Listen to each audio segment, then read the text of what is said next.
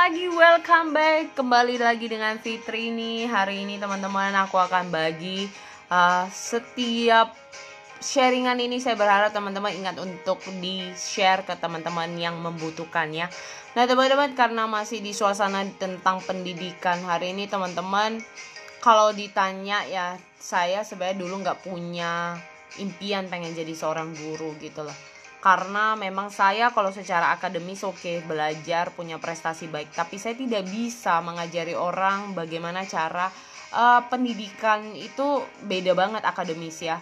Dan kenapa hari ini ternyata akhirnya saya kayak ditangkap ya nih Tuhan kasih lagi. Oke. Okay.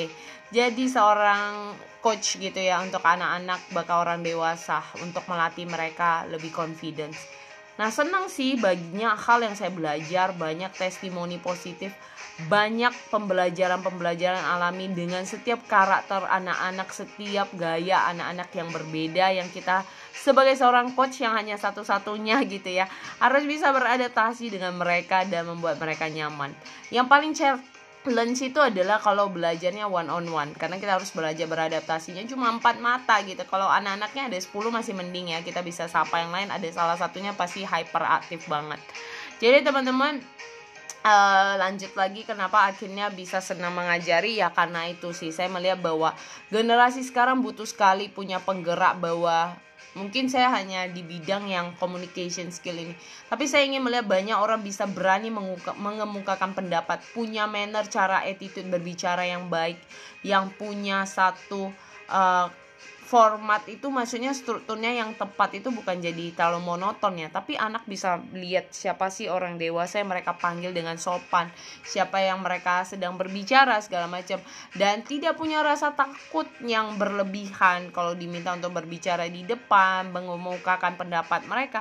Karena saya yakin setiap anak-anak di Indonesia di mana pun mereka diciptakan punya kapasitas kelebihan dan skill yang luar biasa jadi mari hari ini kita para penggerak pendidikan ini jadikan pendidikan Indonesia itu semakin lebih baik supaya makin banyak orang bisa melihat progres demi progres pendidikan di Indonesia ini membuahkan hasil dan karya yang luar biasa.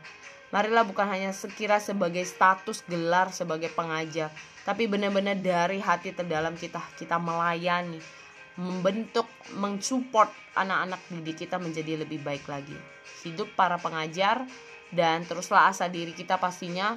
Semakin berkembangnya teknologi zaman kita juga harus menjadi guru yang bisa atau pengajar yang bisa mengikuti keadaan out of the box. Jadi bukan hanya di box itu karena ya udah saya seperti itu. Semoga ini bermanfaat dan semangat untuk anda semuanya